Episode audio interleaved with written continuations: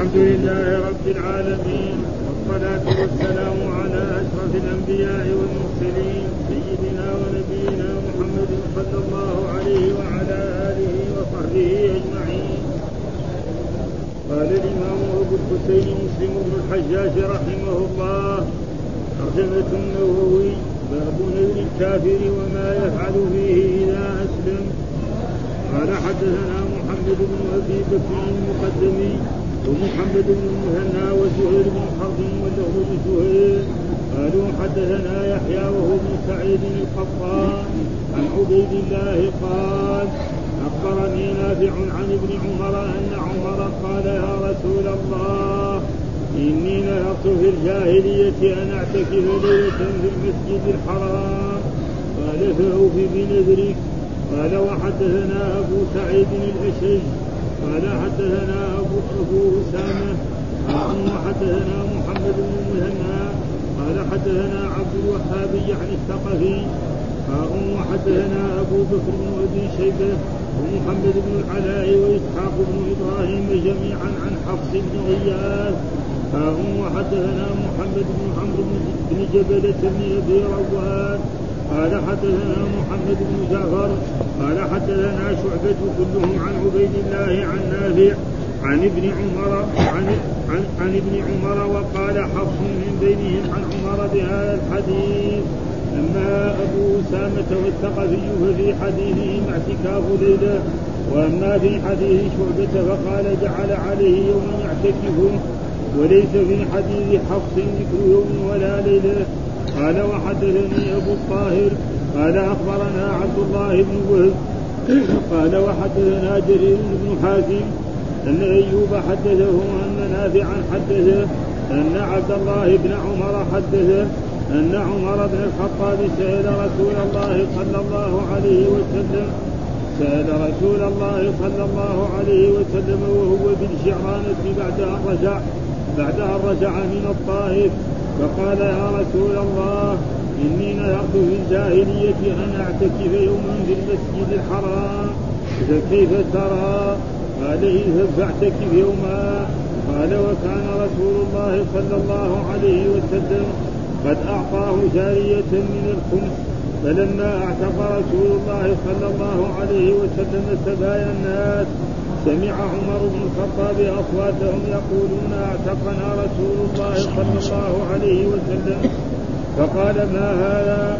فقالوا أعتق رسول الله صلى الله عليه وسلم سبايا الناس. فقال عمر يا عبد الله اذهب إلى تلك الجارية فخل سبيلها. قال وحدثنا عبد بن حميد قال أخبرنا عبد الرزاق قال أخبرنا معمر عن أيوب عن نافع عن ابن عمر قال لما قتل النبي صلى الله عليه وسلم من حنين سأل عمر رسول الله صلى الله عليه وسلم سأل عمر رسول الله صلى الله عليه وسلم عن نذر كان نذره في الجاهلية اعتكاف يوم. ثم ذكر بمعنى حديث جرير بن حازم.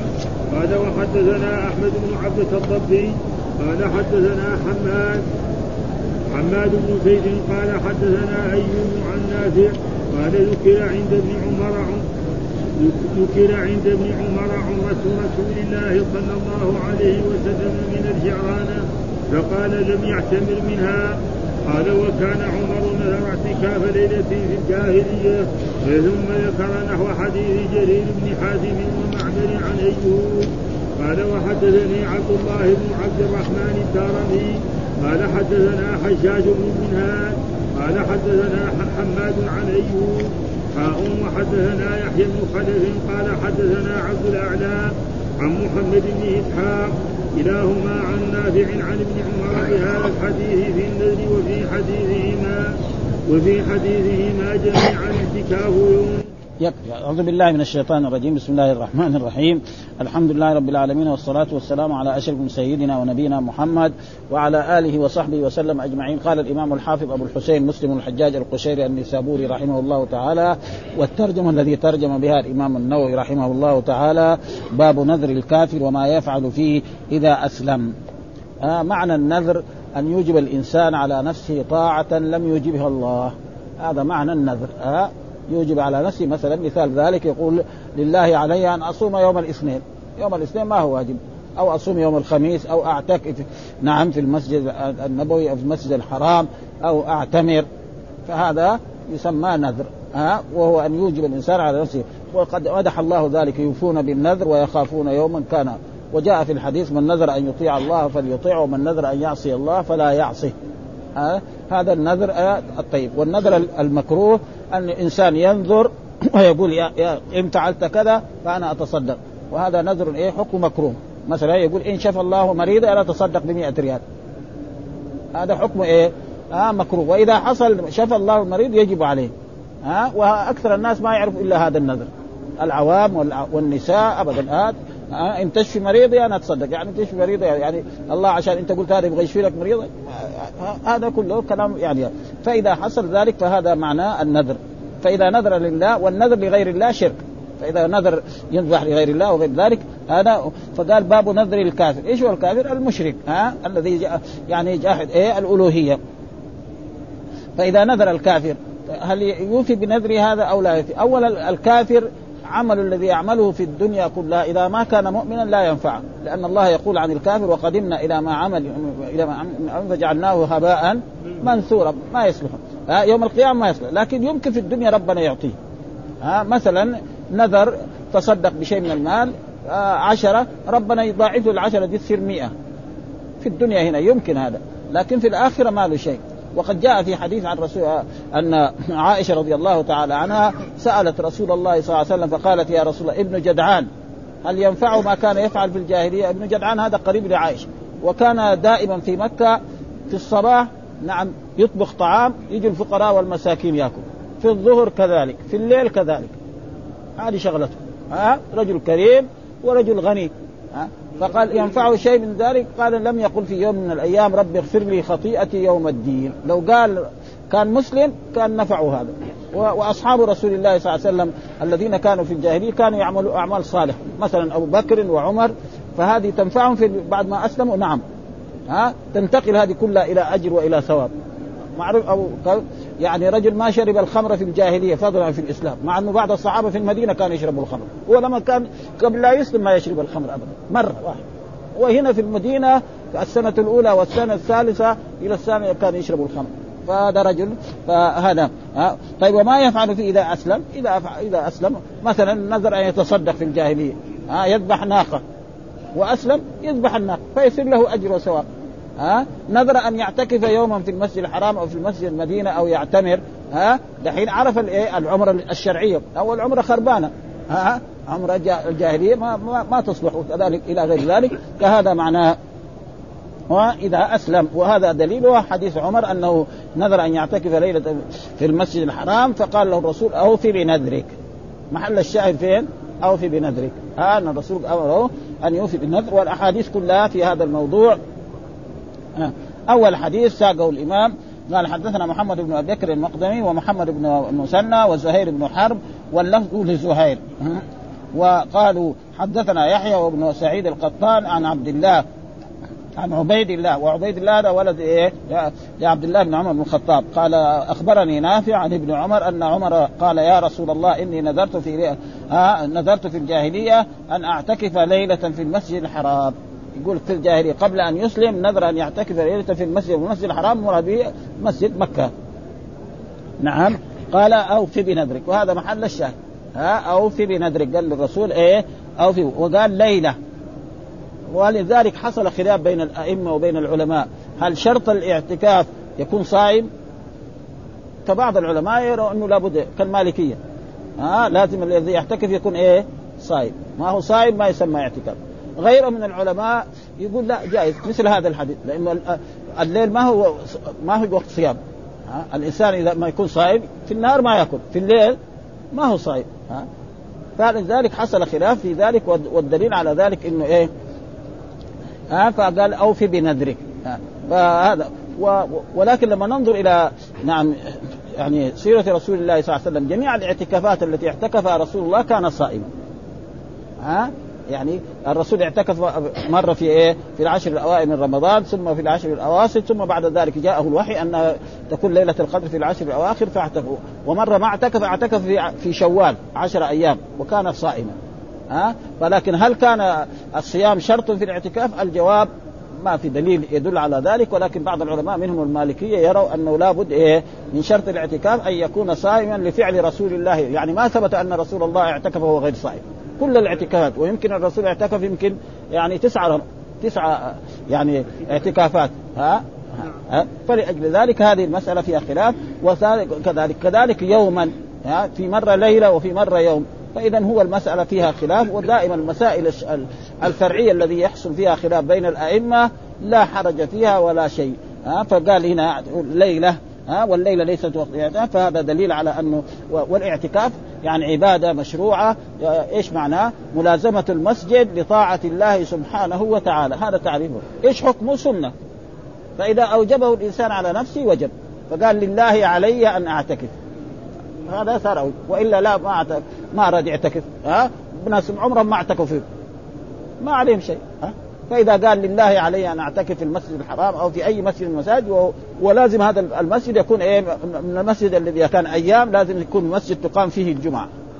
ما يروح يعتكف في مسجد ما تقام فيه الجمعة ولما يجي يوم الجمعة بعدين يقوم يروح من من محل مسافه إلى مسافة. ها؟ فأي مسجد يبغى يعتكف فيه مسجد الرسول أو مسجد أي مسجد في, في, في البلاد الإسلامية له أن يعتكف فيه ويكون هذا المسجد تقام فيه الجمعة عشان لا يكون لما تقام فيه الجمعة يقوم يخرج من هذا المسجد إلى مسجد آخر. ولأجل ذلك جاء في الحديث هذا الصحيح عن قال يا إني نذرته في الجاهلية أن أعتكف ليلة. فهذا ليلة الليل ليس إيه يعني وقت الصيام في المسجد الحرام والمسجد الحرام هو إيه مسجد مكة. ها قال فأوفي بنذرك. أمره الرسول أن يوفي بنذره. وهذا دليل على أنه آه ونحن نقرأ برضو ما قاله الإمام النووي في هذا الموضوع لأنه بسيط. قال في حديث عمر رضي الله تعالى عنه أنه نذر أن يعتكف ليلة في الجاهلية وفي رواية نذر اعتكاف يوم فقال له النبي صلى الله عليه وسلم أوفي بنذرك اختلف العلماء في صحة نذر الكافر. فقال مالك وأبو حنيفة وسائر الكوفيين وجمهور أصحابنا لا يصح لأن الله يقول عن الكافر وقدمنا إلى ما عملوا من عمل فجعلناه هباء منثورا. وقال المغيرة وابو ثور والبخاري وابن جرير وبعض أصحابنا يصح وحجتهم ظاهر حديث عمر. ها وأجاب الأولون عنه أنه محمول على الاستحباب. أي يستحب لك أن تفعل ذلك. ها ما هو؟ لأنه أوفي. هذا فعل أمر. واجب. الجواب لا. ها ها ومعلوم أن الأمر تارة يكون للوجوب وتارة يكون للاستحباب وتارة يكون للتحكم وتارة كثير يعني موجود يعني. ها الله يقول للكفار قل كونوا حجارة أو حديدا هذا إيه؟ للتعجيز هذا. هم يقولوا ان إنهم إذا ماتوا ربنا ما يبعث. طيب إيش أنت أيها الإنسان الكافر؟ من عظم ولحم وعصب. آه سير جبل. شوف الله يعيدك ولا ما يعيدك. هو ما يقدر. هذا ها؟ وكذلك كثير صلوا قبل المغرب صلوا قبل المغرب فلذلك أوفي من نذرك. يقول على وجه الاستحباب. لأنه هو لو ما اعتكف ما عليه شيء لأنه هو كان كافر. ها؟ ها؟ الآن. وقال وفي هذا الحديث دلالة لمذهب الشافعي وموافقيه في صحة الاعتكاف بغير صوم وهو مذهب يعني كذلك الإمام أحمد وفي صحته وفي صحته بالليل لأن الليل ليس وقت صيام كما يصح بالنهار سواء كانت ليلة واحدة أو بعضها أو أكثر ولذلك الامام مذهب الإمام أبو حنيفة الاعتكاف ولو ساعة ولذلك البناية التركية هذه مكتوب نويت سنة الاعتكاف. ها يدخل في المسجد يبغى يصلي العصر يقول نويت ان أعتكف. يقعد ساعة ويخرج.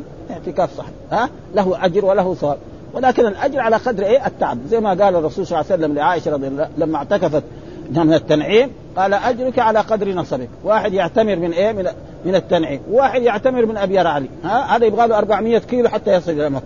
ها؟ وواحد يعتكف من من التنعيم يبغى له كيلوين. إن كثر كمان ولا بتجي كيلوين دحين. ها؟ إذا كان هو في أطراف مكة هناك في في المعابد ولا هناك بعيد أقل يعني في الزاهر هناك يعني أقل يعني واحد كيلو يعني. خلاص دغري يوصل التنعيم ويجي. ها فالأجر على قدر العمل.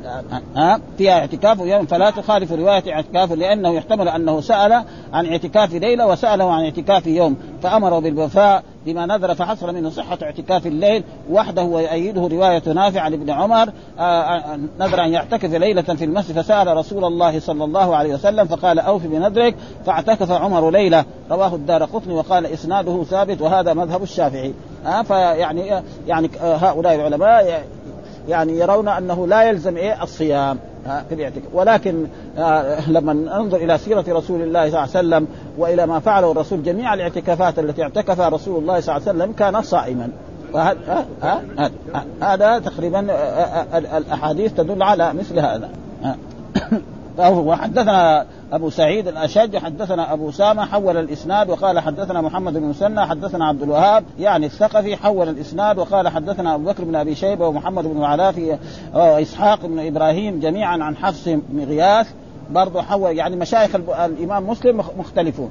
أول كان شيخه مثلا أبو سعيد الأشج في الحديث الثاني وحد محمد بن المثنى الحديث الثالث حدثنا أبو بكر بن أبي شيبة والحديث الثالث حدثنا محمد بن عمرو بن جبله بن أبي رواد حدثنا محمد بن جعفر حدثنا شعبة كلهم عن عبيد الله وهو ابن لعبد الله بن عمر عن نافع وهو مولى عبد الله بن عمر.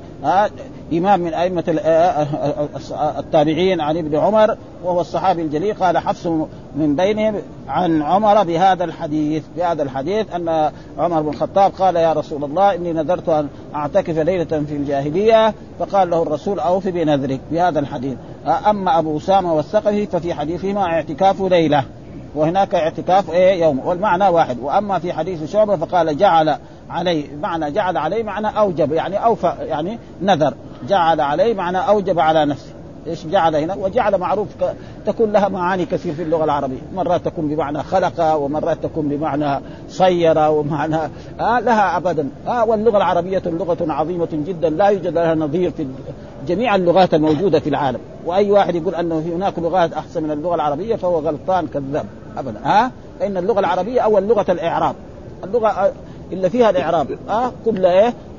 المرفوع مرفوع والمنصوب منصوب والمجرور مجرور. ولو خربط الإنسان في هذا يعني أقل ما يكون إذا كان عامي ما عليه شيء. لا ذنب عليه ولا شيء. وإذا كان طالب علم ينام يعني. ها؟ ها؟ لو قال الحمد لله ما يصير. اللازم يقول الحمد لله. ها؟ ربي ربي يقول ما يصير. ها؟ العالمين الرحمن يقول الرحمن الرحمن ما يصير. ها؟ هذه لغة بخلاف اللغات الثانية ما في هذا الإعراب ها؟ ولذلك مثلا يجي واحد مثلا يقول مثلا الكتابان جديدان. مبتدأ وخبر يقول أدخل عليها كان يقول كان الكتابان جديدين. أدخل عليها إن يقول إن الكتابين جديدان ها؟ فلذلك يعلموا اللغة العربية مثلا النحو بهذه الطريقة الطريقة الحديثة الآن يعني مدارس كده ابدا. يعني دغري الطالب دغري من هو صغير دغري لما يكون في سنة رابعة يعطوا له هذه الأفكار دغري ينضبط. ها آه يعرف. واحد قال له الكتابان جديدان. قالوا كان الكتابان جديدين غلط هذا ما يصير. آه اللغة العربية ما ترضى هذا. ولذلك شو آه قل كونوا حجارة. الواو هو الاسم وحجارة إيه خبر. ولذلك لا يوجد لها نظير ابدا. وأي واحد قال مثلا اللغة الإنجليزية إنها كذابين ما, هي اللغة ولا ولا الفرنسية ولا أي لغة من اللغات ابدا ها ذكر ليلى. وثم ذكر كذلك وحدثنا أبو الطاهر قال أخبرنا عبد الله بن وهب حدثنا جرير بن حازم أن أيوب حدثه أن نافعا ها الذي هو ها حدثه أن عبد الله بن عمر حدثه أن عمر بن الخطاب سأل رسول الله وهو بالجعرانة والجعرانة هي محل الآن يعني قريب من مكة يعتكف والسبب في ذلك أن رسول الله صلى الله عليه وسلم لما فتح مكة نعم وجلس في مكة أياما بلغه أن هوازن وثقيف يتجمعون لغزو رسول الله صلى الله عليه وسلم في مكة. ها فرسول الله صلى الله عليه وسلم قال بدل ما يجونا نحن نحن نخرج لهم حتى يدل على الشجاعة وعلى القوة وأن الرسول لا يخشاهم ولا يخاف. فخرج رسول الله صلى الله عليه وسلم ومعه 12 ألف. ها حتى أن بعض الصحابة يعني عمره ما اجتمع جيش الرسول 12 ألف. بعضهم ممن جاءوا مع رسول الله من المدينة وبعضهم ممن أسلم عام الفتح ولما بلغوا في الطريق وإذا به هوازن في الجبال وهم مثلا معروف طريق الطائف. طريق يمشي بين الأودية بين بين الجبال. معروف هذا. ها وهم فوق فصاروا يرموا بالسهام فكان بعض الهزيمة حصل على أصحاب رسول الله صلى الله عليه وسلم وجاءوا راجعين فبعد ذلك الرسول قال أنا النبي لا كذب أنا ابن عبد المطلب واجتمع أصحاب رسول الله صلى الله عليه وسلم وغزوا هوازن وانتصروا عليهم وأثروا منهم من أموالهم ونسائهم الشيء الكثير ثم جاءوا إلى إلى الجعرانة وقبل ذلك وزع رسول الله صلى الله عليه وسلم هذه الأموال. وذكر الله تعالى هذه القصة في القرآن في سورة التوبة ويوم حنين أعجبتكم كثرتكم فلم تغن عنكم شيئا وضاقت عليكم الأرض بما رحبت ثم وليتم مدبرين ثم أنزل الله سكينته على رسوله وعلى المؤمنين وأنزل جنودا لم تروها وعذب الذين كفروا وذلك جزاء الكافرين ثم يتوب الله من بعد ذلك على من يشاء والله غفور رحيم. ها؟ وهذه يوم حنين فكان إيه في الأول بعض الهزيمة ثم بعد ذلك حصل بعض الانتصار فالرسول لما أسر هذا وزع الغنائم. ثم بعد ذلك جاءوا هوازن هؤلاء وطلبوا من رسول الله صلى الله عليه وسلم أن يرد إليهم أموالهم. نعم. ويرد إليهم نساءهم. قال لهم لا. أحد شيئين إما نساءكم وبناتكم وإما مثلا آه, آه، واحد منها. أما كلها ما يصير. فوافقوا على أن إيه الأموال يأخذها الصحابة والنساء والأطفال تعود إليهم. فالرسول فعل ذلك. وعمر بن الخطاب كانت جاءته جارية فلما سمع هذا رد ردها إلى أعتقها. ومعلوم أن الغنائم قال الله تعالى واعلموا أن ما غنمتم من شيء فأن لله خمسة وللرسول ولذي القربى واليتامى والمساكين. يجمع الغنائم أربع أخماس. قسم لله وللرسول ولذي القربى واليتامى والمساكين وأربع أخماس للجيش. للفارس السهماء ثلاثة أسهم وللماشي على رجله أو راكب على بعير أو غير ذلك له سهم واحد. وكان هذا هو التوزيع آه الذي حصل من رسول الله صلى الله عليه وسلم.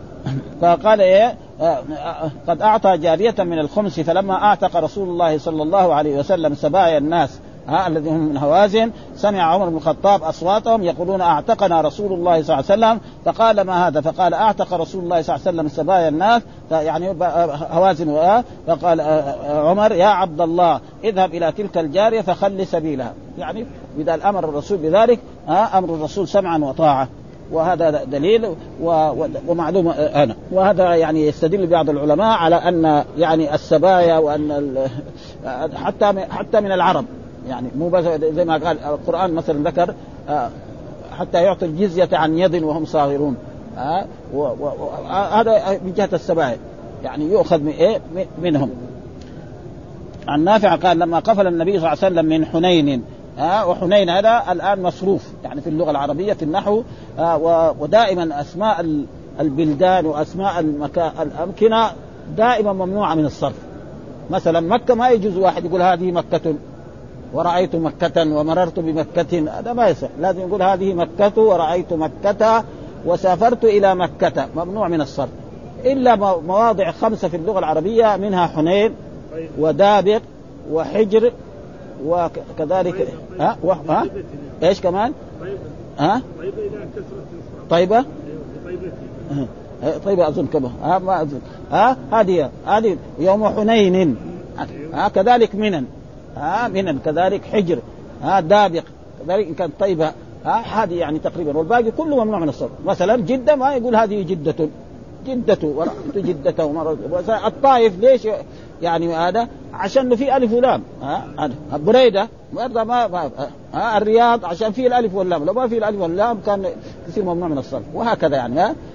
يوم حنين. يعني ما يجوز الإنسان يقراها يوم حنين يعني كذا هو فهذه أشياء يعني بها سأل عمر رسول الله عن نذره كان نذره في الجاهلية اعتكاف يوم ثم ذكر بمعنى حديث جرير ابن حازم. ففهم من ذلك من هذه الأحاديث عن رسول الله صلى الله عليه وسلم أن أن الكافر إذا نذر أو عمل طاعة من الطاعات نذر في الجاهلية أن يوفي بها. وهذا الإيفاء على وجه الندب والاستحباب على وجه لأن الله يقول عن الكفار وقدمنا إلى ما عملوا من عمل فجعلناه هباء منصورا وأما الكافر إذا كان يعمل اعمال صالحه أعمال طيبة في قبل إسلامي ثم أسلم فإن هذه الأعمال الطيبة كلها تنتقل إلى حسنات. مع أعمال الذي يعملها في الدنيا هنا يعني في الإسلام كذلك وذلك كأصحاب رسول الله صلى الله عليه وسلم أبي بكر له من الأعمال الشيء الكثير يعني في الجاهلية ها كان يكرم الضعفاء والفقراء والمساكين وغير ذلك ومع ذلك هذا كله ينتقل إلى أعمال صالحة.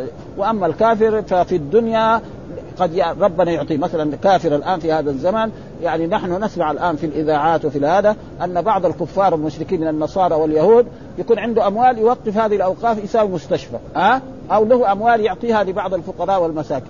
في الدنيا يعطيه الله أما في الآخرة ما له شيء ها؟ لأن الله يقول وقدمنا إلى ما عمل المؤمن هو الذي وشرط النفع العمل الصالح أن يكون إيه؟ يعمل صالحا وهو مؤمن وهم ما هو مؤمن. وحدثنا أحمد بن عبد الضبي حدثنا آه، آه، حماد ابن زيد قال حدثنا أيوب عن نافع قال آه، ذكر عند ابن عمر عمرة رسول الله صلى الله عليه وسلم من الجعرانة فقال لم يعتمر منها وهذا نسيان منه.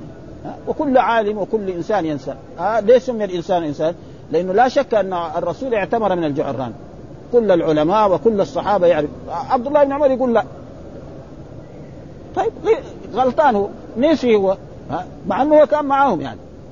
يعني عبد الله بن عمر كان معاهم في الجعران ومع ذلك نسي يقول الرسول ما اعتمر. وقد مر علينا كذلك في أحاديثنا أن أن عبد الله بن عمر آه، يقول أن الرسول اعتمر في رجب. فقال الصحابة يا يا, يا اماه على عائشة رضي الله اسمعي ما يقول أبو عبد الرحمن. أبو عبد الرحمن وهو عبد الله بن عمر أن الرسول اعتكف في رجب. قال رحم الله أبو عبد الرحمن فانه الرسول ما اعتمر إلا هو حاضر معه. والرسول ما اعتمر في رجب فاذا هذه إيه؟ نسيان غلطان. ها؟ ها؟ ودائما كل إنسان ينسى فاذا كان الرسول يقول أنسى كما تنسون فإذا نسيت فذكرون. فاذا البشر الثانيين خالد ومحمود وبكر ومحنة والأئمة وغير ذلك كل واحد ينسى. فلذلك يقول ابدا الرسول ما اعتمر من الجعران. وهو كان حاضر. يمكن هو ما اعتمر. ها؟ يعني هو يمكن لأنه مو لازم أن كل الصحابه من الجعران. الرسول لا شك أنه اعتمر. هذا بعد ما وزع غنائم يعني آه، حنين نعم اعتكف يعني اعتمر في الليل ودخل مكة طاف بالبيت وسعى بين الصفا والمروة وخرج إلى المدينة. ها وكان هذا في عام كم؟ في عام ثمانية. يعني تقريبا في ذي القعدة. ها وعمر الرسول صلى الله عليه وسلم هي اربعه معروفة يعني عمرة عمرة الق... عمرة من الحديبية ما دخل مكة وعمرة القضاء دخل مكة وعمرة الجعرانة وعمرة مع حجة هذه أربع عمر اعتمرها رسول الله صلى الله عليه وسلم ولم يعتمر. فعبد الله بن عمر يقول إنه اعتمر في رجب ما في وهو الرسول ما اعتمر. فهذا يعني هو غلط في هذا. أو نسي. ها؟ لأن الإنسان ينسى. ولذلك يعني المسائل العلمية دائما إذا كان الصحابة كلهم قالوا كذا وواحد قال كذا ما في شيء يعني لأنه ما يمكن إيه إنسان يحيط بالعلم كله. ولذلك هنا يقول عبد الله بن عمر مع أنه هو كان حاضر. يعني هو لا شك أنه كان حاضر في عام الفتح وفي في وكذلك في حنين. نعم ولما غزا الرسول يعني هوازن كله كان حاضر. ها؟ فقال لم يعتمر. قال وكان عمر نذر اعتكاف ليلة ثم ذكر نحو حديث جرير آه، جرير ابن حازم ومعمر عن أيوب. ثم قال وحدثنا عبد الله بن عبد الرحمن الدارمي حدثنا حجاج بن المنهال حدثنا حماد عن أيوب وحدثنا يحيى بن خلف حدثنا عبد الأعلى عن محمد بن إسحاق كلاهما عن نافع عن ابن عمر بهذا الحديث في النذر. وفي حديثهما جميعا اعتكاف يوم يعني في بعض الروايات يوم أو اعتكاف وهذه الأحاديث يعني يؤخذ منها هو ان أن الاعتكاف لا يشترط فيه الصيام وإن كان بعض من العلماء كالمالكية يروا أن الاعتكاف لا والذي حصل من رسول جميع الاعتكافات التي اعتكفها رسول الله صلى الله عليه وسلم سواء كانت في رمضان أو في غير رمضان كان إيه؟ صائما. ها؟ فإذا أكمل الاعتكاف أن يكون صائما. ها؟ وإذا اعتكف بغير ذلك ولذلك الإمام أبو حنيفة يرى أن الاعتكاف لا يشترط ويستدل بهذه الأحاديث وهي أحاديث صحيحة في البخاري وفي مسلم وفي غير ذلك. ولذلك الحكومة التركية لما بنت هذا المسجد كتبت على أبواب المسجد القديمة نويت سنة الاعتكاف. واحد يبغى يدخل يقعد ساعة يقول نويت سنة الاعتكاف ويدخل ويجي الساعة ويجي خارج.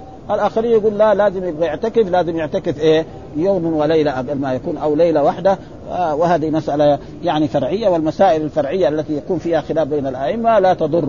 آه لأنه ما في هناك إمام أو عالم يعني حفظ أحاديث رسول الله صلى الله عليه وسلم وقد ينسى الإمام وقد ينسى العالم. ها وقد يظن أن هذا الحديث منسوخ وهو حديث ما هو منسوخ. وقد ولذلك الرسالة التي يعني ألفها شيخ الإسلام رفع الملام عن الأئمة الأعلام. رسالة قال فيها رفع الملام وذكر 12 سبب أن إمام من الأئمة يخالف نصا من النصوص. وذكر النصوص هذه. واحد اثنين ثلاثة أربعة يعني غلق بال 12 ثم هل هؤلاء الأئمة يعني يلحقهم وعيد؟ الجواب لا يلحقهم وعيد. ها؟ لأنهم هم بذلوا الجهد وجاء في الأحاديث الصحيحة. إذا اجتهد الحاكم فأصاب فله أجران. وإذا اجتهد فأخطأ فله أجر. وكثير من أصحاب رسول الله صلى الله عليه وسلم كان يفعل ذلك منها عبد الله بن عمر آه، عبد الله بن مسعود كان جالسا في المسجد في مسجد هناك في العراق. فجاء رجل وقال يا أبا عبد الرحمن إن رجلا منا تزوج امرأة ولم يدخل بها ولم يفرض لها صداق ومات. يعني سؤال أنت أيها العالم تعال. ها, ها؟ رجل تزوج من امرأة وما دخل بها. نعم وما فرض لها صداق ومات قبل أن يدخل. وما الحكم؟ عبد الله بن آه، مسعود بصفته صحابي وعالم. نظر في القرآن. شاف يعني شيء يوافق هذا ففي السنة ما وجد يعني ك... قال لهم أنا أريد افتيكم فتوى دحين. مو حكم يعني فتوى. إن تبغوها خذوها. ما تبغوها بكيفكم يعني ها؟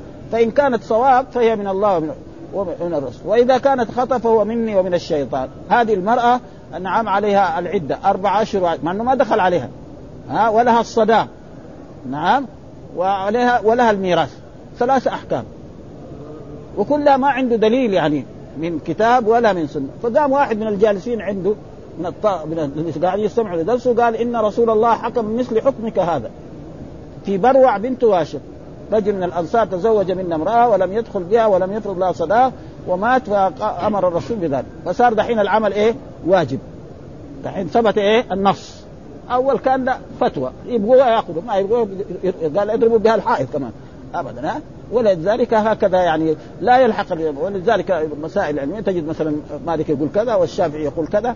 وكذلك يجب على طلبة العلم والعلماء أنه إذا بين المسائل الأحكامية اللي فيها خلاف يبين الراجح والذي معه الدليل. أما يتركها كذا يقول قال مالك كذا وقال الشافعي كذا وقال أحمد كذا وقال أبو حنيفة كذا ويتركها كذا هذا ما يصح. ها؟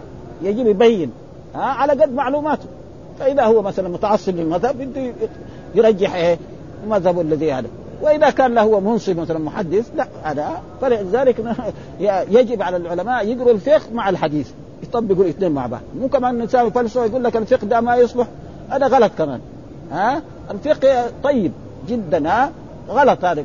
ها الفقهاء كتبوا كتب وألفوها وفيها فوائد عظيمة جدا ها بس بعض الأشياء يعني قد تكون تخالف لأنه ما في واحد أحاط بالأحاديث كلها عن رسول الله صلى الله عليه وسلم. فلذلك هذا ما يجب على طلبة العلم. وكذلك أي واحد مثلا عالم يقول كذا قال فلان وقال قال الشافعي وقال أحمد واتركها كذا بدون بيان هذا كذلك يلام ها لازم يبين الدليل مع مين.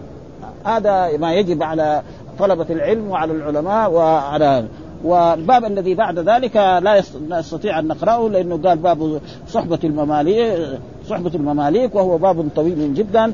ونوقف على هذا هذا حتى نقرأه إن شاء الله فيما يأتي إن شاء الله. والحمد لله رب العالمين وصلى الله وسلم على نبينا محمد وعلى آله وصحبه وسلم.